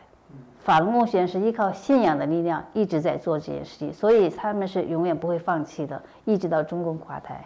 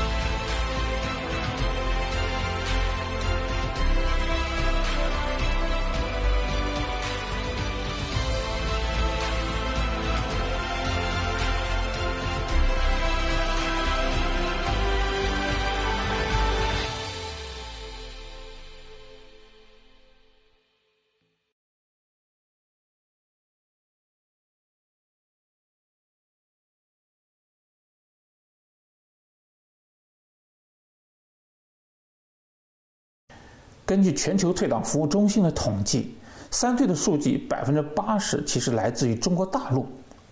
那么中国大陆的三退义工是怎么劝退的？这个调查起来就很有难度了。我曾经试图找到在中国大陆的三退义工，并采访他们，但是最终还是因为安全因素放弃了。但是非常幸运的是呢，我采访到了几位来到海外的大陆三退义工。他叫方云宝，是中国大陆的一位三退义工。特别有意思的是，他还曾经担任过中共湖北省的一个公社的党委书记。不过，由于他不愿在工作中说假话，所以他碰到了很大的麻烦。那是一九七五年吧，到了年终呢报表的时候，秘书呢就问我，呃，今年的粮食产量怎么报？呃，我说你怎么统计的？你实事求是的报呗。后来他说，按照实事求是来讲的话，他说我们今年是减产三十万斤。他说，但是呢，领导呢暗示我们要报增产五十万斤。我说，我说那恐怕不能这样报吧。他说，那那那可能不行啊。他说，你可能你可要想清楚了。那的意思就是这个书记是惹不起的。你说的这个书记是指谁呀？登点的县委书记要我们报增产五十万斤，秘书就感到很为难，来找我。我的观点是实事求是，减产就减产了。你减产报增产的话，这个是不行的。为什么呢？因为我那个时候很年轻呢。嗯，我有一个基本的道理是懂得的。农民的肚皮不是口号撑得起来的。我减产报了增产的话，到了春荒的时候，国家不给供应的，国家不给供应，那饿死了人谁负责？那你说，在中国的历史上是吧？五十年代末、六十年代初，饿死了多少人呢？那不都是假大空搞的了，是吧？粮食放卫星呢，亩产多少多少啊？到最后呢，把农民的种子粮都上交了，造成几千万人丧命呢。那么大的灾荒，那么大的那个磨难，还不接受教训吗？是不是？所以我当时呢，我的观点就是说，像这样的事绝对不能做。那你这样算是得罪他了吗？得罪了吗？最 最后处处给我小鞋穿的。直到七九年的时候，我当时我就想，这样的工作我实在没法儿没法儿干下去，因为我这个人有个毛病呢，我的脊梁没有弹性，你知道吧？我不适合在中共的官场上，我不愿意说假话。现实当中，事事处处都跟我的为人处事的原则相抵触。你在中共的官场不说假话是办不了大事的，这是林彪说的。所以我实在是没办法，我最后我就下决心要走。因为我那个时候已经明显的感觉了，中共的官场像一个黑洞，我要逃离黑洞，寻找光明。九平共产党发表以后，方英宝很快的就看到了其全文。二零零四年，大纪元发表了九评社论，我一看全都明白了，知道我为什么真正的抱着一颗为人民服务的心，走上哈那个呃那个岗位，其结果达不到自己的愿望。反过来还被穿小鞋，还被整得那么惨，那不是哪一个人的问题，那是共产党的本质。那个时候就已经看到这一点。后来到二零零五年初的时候，我那个时候我就心想：这么好的书啊，这么好的酒瓶，应该让更多的人知道啊。所以呢，我那个时候就就有这样的一个想法。然后呢，我就我就自己在家里，我就开始做酒瓶了。我很有幸就买到了一部幺八幺零的打印机，我印象很深了。那个打印机是双面打印，然后我就跟老伴儿两个在屋里，那因为那个打印机呢还是有一些声响吧，周围啊、四邻呐又不能干扰别人。就家里 用那个厚棉被把门窗啊都把它那个挂上帘子，就尽量的不让声音传出去呗。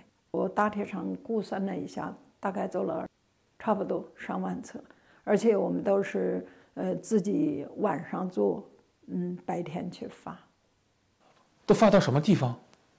就是你你说那个呃居民楼啊，不是一栋一栋的，它有信箱啊，它有门洞里面有那个有那个邮箱啊，你就挂门板啊。就有的是面对面的送啊，有的呢是呃或者发信呐，或者是邮寄呀，或者是怎么那样的带过去啊。而且发自行车筐比较多。根据方云宝的介绍，很多人在看了酒瓶后。确实认清了中共。你像有的朋友他在体制内，嗯，零四年年底发表了酒瓶社论以后，我就叫他自己看，然后他看了，他看了以后，他全都明白了。二零零五年初的时候，他就三退了，全家三退。三退了以后，我一直在做酒瓶，他就帮助我。我要送酒瓶到乡下去，他就帮我开车、装车、开车送到地。那一直都在帮我。人呐，觉醒了以后，真的，我我很多事儿令我非常的感动。科技大学的校长，他明白了以后。有一次，我拿了一箱子那个酒瓶呐，还有其他的资料，就就到他们那里发吧。结果以后他说：“你不要发，我来发。”他就发，结果结果他晚上把他们把他们大学里面所有的科室全部都发遍了。那你有这种面对面的这种劝退的经历吗？嗯，我零四年的时候就退休了。我退休了以后，嗯，就是说告诉人一句真话，然后穿三 退，这基本就是我生活的全部内容。所以我也没有说什么时间安排不安排的，我整天 就是做这件事。所以呢，就是随缘讲吧，碰上谁就跟谁讲，就是这样的，嗯。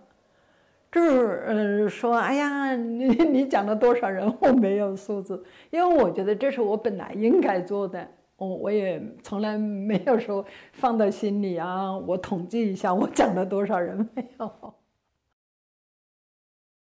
在调查中呢，我也碰到了一些国内的三退一工，他们呢接受了我的采访，但是呢却不方便出境。嗯，主要原因呢还是考虑到国内家人的安全。那么其中有一位呢，他是在国内是开印刷厂的，啊，据他跟我介绍啊，在二零零五年酒瓶出来以后，哦，就他的印刷厂，他也印了几百万份酒瓶，而且发向了全国各地。那么还有一位北京的三退义工非常有意思，他跟我说呢，他劝退了很多在北京的这个中共体制内的官员，甚至是一定级别的官员，还有很多的警察。那他的问题也非常简单，他说我一般就问两个问题。第一个问题就是你在入党的时候发了誓了吧？啥意思啊？因为你发誓的发的是什么？就是啊，我随时愿意为共产党牺牲。那这个誓言是啥意思呢？官员也不太清楚啥意思，那就是把你把命给党了呗，就党可以随时要你的命啊，因为你愿意为他牺牲嘛。好，这第二个问题，共产党这么多年干了多少坏事你们应该都知道啊。那你想，这种体制内的官员啊，特别是政法系统的官员，对于中共干的这些坏事，很多是非常清楚的。现在啊，他说这个。按照这种天象来讲呢，你出来混都要还的啊！天灭中共啊，共产党要开始还账了，怎么还呢？那肯定是拿你们的命来还了，因为你发誓要把命给他的。然后他就问：“你愿意还吗？”他说：“几乎没有一个官员说我愿意还，都说共产党干了那么多坏事，凭什么要我还？”他说：“那没办法呀，因为你发了誓啊，人发誓是很重要的，这种誓言是。”神是看在眼里的，是记下的，所以这时候呢，其实很多官员他都会有很多疑惑，他说：“那怎么办？我确实发了这个誓，共产党确实干了这么多坏事，那么现在要我拿我的命去还，我不干。” 那他就会跟他说：“现在有一个办法，什么？就是你得解除这个誓约，怎么解？就是你得三退。他可以帮你办来三退。他说就这俩问题，就这一招。”说在中共体制内啊，这个官员是屡试不爽，基本上他看中一个谈一个就退一个，看中一个谈一个就退一个。我想啊，有可能今天我们在做节目的时候，他还在北京继续跟这些中共体制内官员在谈呢。你愿意退吗？其实，在中国的大城市劝三退还是很危险的。中共在这些城市安置了大量的监控民众的设备，但是还是有义工在危险中坚持多年劝三退。张淑敏就是其中的一位。我叫张淑敏，我是天津人。我在退休之前呢，我是一名铁路系统的呃技术员工，我是三退一工。我从两千零五年到两千一九年。这个十四年当中，我走遍了天津大街小巷，劝退了有六七万人。这些人当中呢，呃，有军人，有这个警察，有教师，有这个呃处级干部，还有这个医生，还有捡垃圾的，还有这个卖菜的、买菜的、扫大街的，还有农工到天津打工来的都有。你是从什么时候开始这个发酒瓶劝三退的呢？这个酒瓶我是在两千零五年开始，就是大量的去发这个酒瓶这个书。我还和一个义工啊，我们俩合作，他是制作的，他第他做，然后呢我去发，就是白天发酒瓶到各楼里头发，啊，记住了，今天我发是这个楼。发全了，然后到另一个楼。那据你所知啊，在天津有多少像您这样的三退一工呢？我知道的人有好多，他们也在发。那个时候酒瓶出来以后，我们真是大量的呃制作，大量的发。那除了这个居民楼，您还去过哪些地方去劝三退啊？因为天津啊，它是分四个区吧，一个是。河东、河北、河西、和平，它分四个区。我如果要是嗯去远的地方啊，我就骑电动车去；近的地方呢，我就骑自行车去。呃，就像我去这个呃装饰城啊、批发市场啊，还有封闭市场啊，这些都是骑自行车去，因为它这个太大了，它得需要一段时间才能把那里的人。全部退了。装饰城市我们是一气呵成的，我和一个义工嘛，全部做完，然后我们这个这个地方就都讲完了，也都退了。每天呢，退完以后回家上网一退，都是五十多人，是这样。呃，然后到封闭市场呢，是我自己了；批发市场也是我自己。然后挨门去吧，就是发酒瓶、发光盘、发书，都是这样。那在这个卖场啊，你大概劝退了多少呢？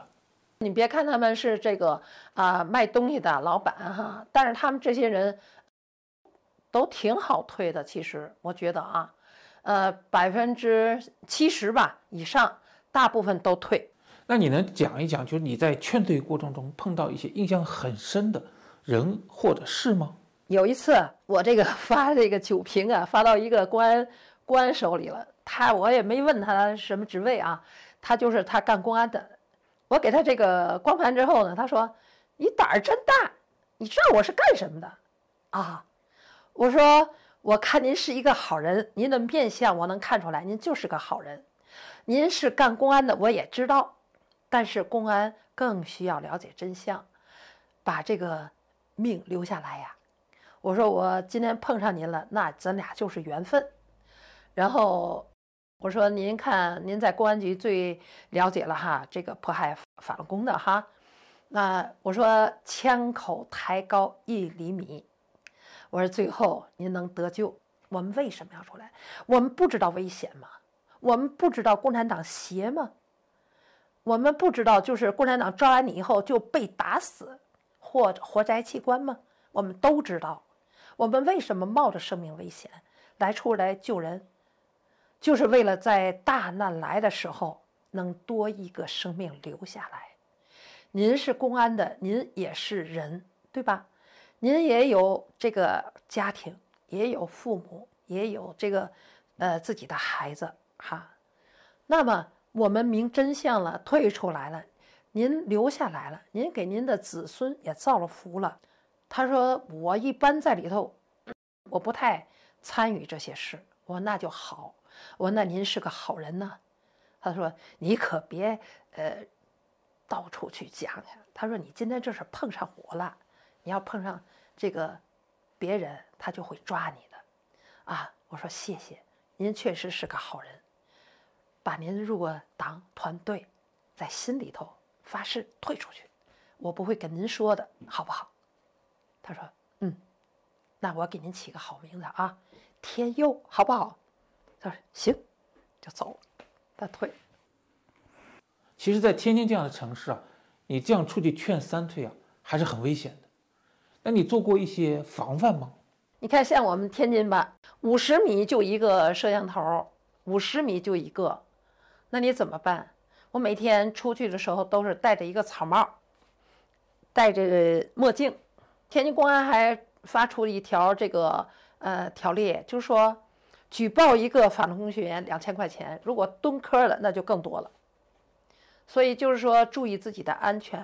那你呢？有碰到过真的很危险的这种事情吗？有的时候就是人说举报我要把我弄到派出所去。哈这时候呢，哎呀，那心里头也不是滋味我真的遇到，就是那个什么一个长征过来的一个老头儿，他他当时就是拽着我不让我走。我说大爷，我说您别生气，别生气。我说您听我说，啊，然后呢，旁边人一看我为什么要这样呢？我就知道围这么多人，那当然要是遇到不好的人，他就要给你举报了，对吧？那我就，呃，换一个方式。我就好像是他家里的人，我说您别生气，我说的不对呢，您可以跟我说啊。我说您不要这样，不要生那么大气。这些人一看，他们这是一家的，哗都走了。但是从小区出来之后呢，不远那有保安的，保安也出来了，他嚷啊，你知道吗？保安出来以后，外头看，看我们是干什么的。我就这时候呢，又拍他，我说大爷，大爷，您别生气，别生气，您小点声，您说那个我哪不对，您可以说，可以说，好吧？我跟他乐。这时保安一看，他不像呃发生什么事儿哈，也好像是家里的人。这时候他们都退了，退了，我就开始跟他说了，讲真相了。我说您这样对您有什么好处？他说我是那个长征过来的人。我说那那长征过来人，那您更了解真相了。我说您放手，放手。我说您别拉着我的车，他使劲拉着，还拉着。然后我说放手，我就这一声，放手。然后他一看这个，还骂了一句，啪，松手了。这时候我把那个给他的光盘嘛，他扔，把光盘捡起来，然后我推着车，我说：“大爷，我今天跟你讲真相，没把您讲通，是不是？您挺固执。我希望呢，这张盘我还再给您，您回去看看，共产党它是什么东西。我希望再有人给您讲真相，您能把他退了。他看看我，然后我就走了。”也挺危险的。当时，如果要是我不采取这种方式的话，我可能就会遇到危险。你做三退这么多年，你有怕过或者退缩过吗？毕竟这个事情还是非常危险的。一旦被中共抓到，我想你应该知道后果是什么。我就想在这个，嗯，让多一个人能尽我的最大的能力吧。能多救一个人就救一个人，嗯，就这样。你说有怕心吗？当然也有，但是，呃，当我想到要救人，让这个生命能得救的时候，我的生命吧就不太重要了。我就想，呃能让更多的人能把命留下来，因为我们修炼的人知道，中共像这样作恶吧。将来必定他会是有这个人类会有大灾大难的，那么我要把真相告诉他们，让他们能都能得救，那就是我的心愿，我就有这么一个理念。为了统计大陆义工的大致数据，我做了一次调查。因为三退义工们大都会愿意在明慧网上交流他们的劝退故事和心得体会。所以我就在明慧网上搜索“三退”两个字，搜出有关三退的文章，总共有四万五千多篇。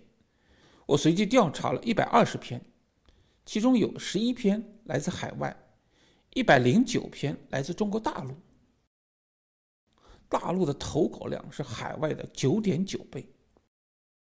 根据这个调查，如果加上翻墙难等因素，我可以大致推算出，中国大陆的义工数量应该至少是海外的十倍。我叫李殿琴，我在沈阳市轧钢总厂工作，嗯，我是财务助理会计师。看了酒瓶之后，我才觉得这真是一本奇书，能把共产党的老底儿揭穿。揭穿让心服口服，这些所有共产党的干的恶事儿啊，全给他揭了。也就是共产党的末日就应该到了，他应该就是在这光天化日之下吧，在真理面前，他就应该退出历史舞台，不能再让他，不能再让他继续下去。如果再继续下去，那中国不堪设想。李殿琴是辽宁沈阳的一名三退义工，他统计自己十多年来啊。大概劝退了一到两万人。李建廷呢是蒙古族人，性格非常的直爽。因为我们那地方人说话都是啥样的哈？说说说的，给这坐着呢哈，跪下来了，跪下说说说站起来了，站起来就就特别豪爽那种就讲，你知道吗？他那个人特别纯净，蒙族人。我刚开始来到沈阳，我谁说话我都不明白。我那厂长就是也特别喜欢我啊。喜欢我的朴实，完他就说哈，我教你呀，你这说话你咋不明白人家说话呢？有意思的，我啥意思啊？我说我不懂，我教你。我说教我也不会呀。他教你啥？就是说话婉转一点儿，互相之间吧，他们在谈话的时候，那事儿个说什么事儿的时候，你你你就说嗯婉转一点儿，就是别那个照直跑。别说是人这事儿就这事儿，你就这么说不行，拐个弯儿，我就不会拐弯。像你这样的这个直肠子啊，不通人性，你怎么去做劝退呢？因为我有一颗纯净的那颗心，当我讲上真相的时候，我心心门都开。因为我不知道怎么回事，我就能全部投入，就是没有一点就是呃隔阂啊、乱七八糟东西在脑子里，就是怎么快让他得救。哎呀，我讲的真的，我在各个点上讲，那讲的真的可一车一车推。那你在沈阳都去过哪些地方啊？去做劝退？只要我走出家门，遇见人就讲。那么我到过的地方啊，什么呃饭店啦、学校啦、哈各大商场啦、马路啦、马路旁边车站啦、超市啦，还有大型的批发站，啊，还有我讲的地方很多，我走到哪里讲到哪里，就是哈啊，到政府机关了都讲过哈。退的人数哈，有时候就是退的很多，多的是有一百来个吧。有时候呢，退呢几十个，或者刮风下雨了，可能就退的少了哈。那你能说一说你印象比较深的一些经历吗？在我小区里那天讲，那家跳舞的、唱歌的、卖东西的人很多很多的。我这因为我本身就是大草原长大的，说话不会小声。谁要小声嘀咕话，我不会，我说话声就高一点我在那嘎就讲，你就坐在凳子上，年岁比我小了一些哈，坐那我就跟讲，讲讲的哈，我说讲共产党什么哈，我知道了共产党如何的呃坏哈，呃通过这些年吧哈，一样一样的共产党是什么什么，然后就给他讲哈，这个男的讲来讲去，哎呀大姐，你竟敢讲到我头上来了，你知道我是干什么的吧？我说你干什么的？我告诉你，我就是沈阳市抓法轮功办公室的。你知道我现在上这来干啥？我奉有使命，这里有我们老多特务了，你知道不？你讲到我头上来了。我说我不管你是谁，我说你那个你说那话对我来一点就是你说恐吓呀，或者呃怎么的？哎呀，你给我抓进去，我心没在这上头，我心就在救你上，我就像想想让你和你的全家。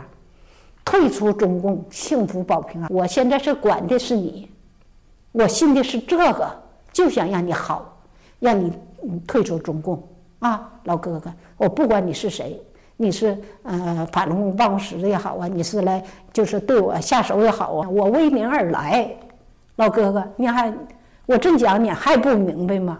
退出来吧，老哥哥，别再跟共产党了。他说：“媳妇儿，媳妇儿，快过来。”这跟前就有四五个那农村干活的那小伙子，就这听着不走啊！我说话声大，完了给他媳妇叫媳妇儿，让让大姐给你退了吧。我说那我起个名，不，我今天就用真名退，把他真名告诉我了，我给退了啊！党团队媳妇儿过来了，媳妇儿，快你听大姐讲，今天大姐讲我都不爱走了，我可爱听了。知道吧？我以后我可不干那事儿了。我他妈不不去，就看着人家抓人的嘛。这共产党坏事干就媳妇儿，你听听大姐讲可好了。就他打动了我这颗心，知道吧？让我明白了共产党什么东西。完媳妇儿过来了，完我跟媳妇儿又讲，我说小妹啊，退了吧。我们中国人民最勤劳，这个富有不是共产党给拿来的，是我们自己双手挣来的。共产党把功都归为他，过都归为人民。知道吧？所以说哈，别再被被他被他蒙骗了，蒙蒙骗了啊！我说小妹也退出了吧。我方才跟弟弟讲的很明白，等弟弟回家再跟你说。那我说退出吧，他说啊，那行，大姐给我退了，两口退了，退完了，完了这个几个小伙子在那站着呢啊，就能听。我说孩子们，阿姨方才说你都听见了吧？哎呀，大姨你说啥真对的，我们老苦了，怎么办？我说怎么办？退出中共。我说谁是党团队？上爷告告诉姨，姓啥姓啥？我说你都退了，他那爷给我退了，他那给我退了。哎呀，他说跟我们几个都退了吧，都退了。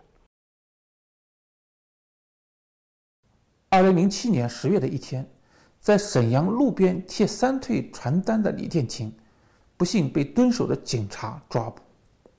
二零零七年的呃十月十六日，就是。十七大之前，我们知道他要开会了哈，我就做一些，就是一些拿一些哈天灭中共的资料，小小贴着，这一路就撒资料，撒到快到同修家了啊，快到同修家了，我往那电杆撒一个，哎，回去我一翻兜子里还一个，哎呀，我说这一个我也得贴出去，回回回过头了走几步到天线杆又贴上了，真的就一下让警就是那个呃派出所警察刘勇给我摁住那儿，就叫来警车啊，就来了，就是十来多个人，都是棒小伙子啊，就往车上拽我。我就不不跟他上车。你说就我那个那个小体格哈，他们那些人拽拽了将近一个点儿。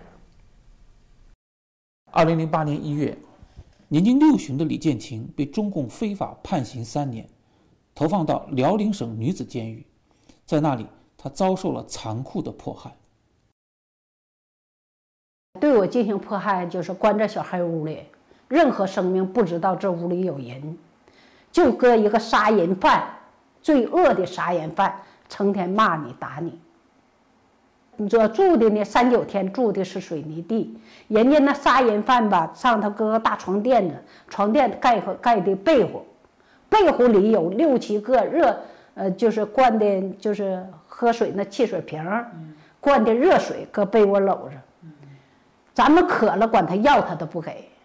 你没有热水，我在监狱时候哈，我就是被迫害的嘛，肚子都那么大哈，成天一条昏过去几次，昏过去，警察不打你，他让犯人打你，一边踢你哈，我都昏过去还踢呢，等我醒来还踢呢，不要脸，装什么死，啊，在那种情况下，我装什么死，装什么死，就说他在那种情况下，你想一想，一点人性都没有。残酷的迫害并没有打垮李建清，在监狱中，他还是在劝酸退。上工的时候，就跟他们讲，完，特别是厂家来活的时候，带活的那个人，他们都叫师傅了哈，啊，来交活的时候，我们马上就就盯上去了，盯上就给检查退，退没呀？啊，嗯，是有的就知道了。嗯，退是什么意思了哈？退了，退了，我在别的监区都是你们人给退的，有的退啥呀？退呀？那你还不知道啊？现在是退党，呃，也呃，退出党团队是一个高潮，赶快退出了，呃，只有你的觉醒，我们的觉醒，他共产党解体不成问题了。希望你能在迷中醒过来，嗯，为自己活着，别为他奋斗终身了，你知道吧？看看他，给我们霍霍中国人霍霍啥样？像你们这些进来哈，这也是咱们缘分，退了吧。他说啊，那行，那给我退了吧。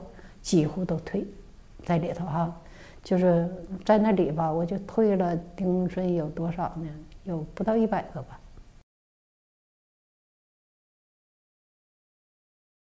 二零一六年，李建廷摆脱中共的封锁，来到美国，直到今天，已经七十多岁的，他还是坚守在三退一空的第一线。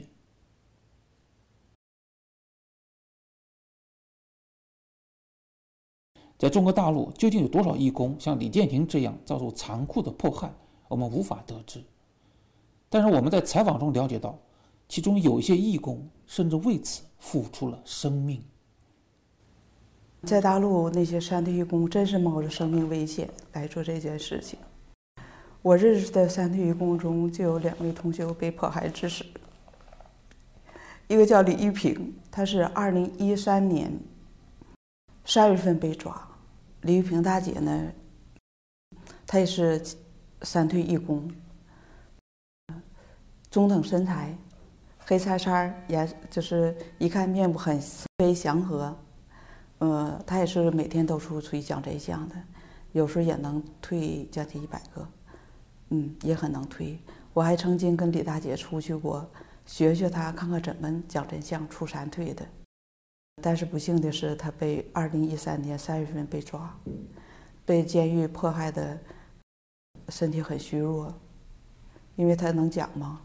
嗯，迫害的很严重，嗯，身体虚弱，不能独立行走。二零一四年的时候呢，嗯，虽然被释放出来了，但是他仍然是在二十四小时严密监控他，不让他跟任何人接触。二零一五年的时候，海源离世。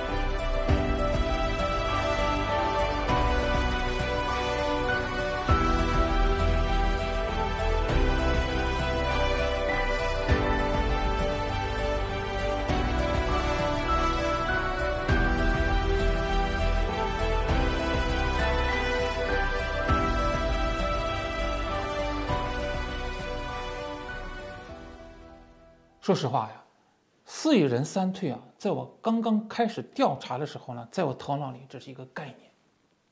但是随着我调查一步一步的深入，当我实实在在的看到了这个三退的大潮，当我实实在在的感受到了中国有这么多人开始觉醒了，认清了中共，我觉得对我的震撼是非常大的。这二十年来，这些义工们实在是太不容易，他们经历这些故事，常常让我高山仰止。我想啊，这二十年已经走过去了。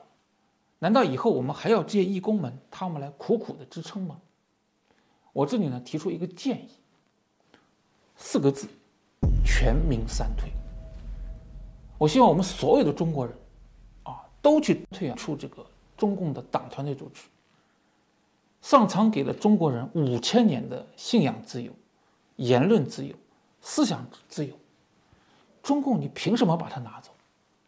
凭什么这样来奴役中国人民？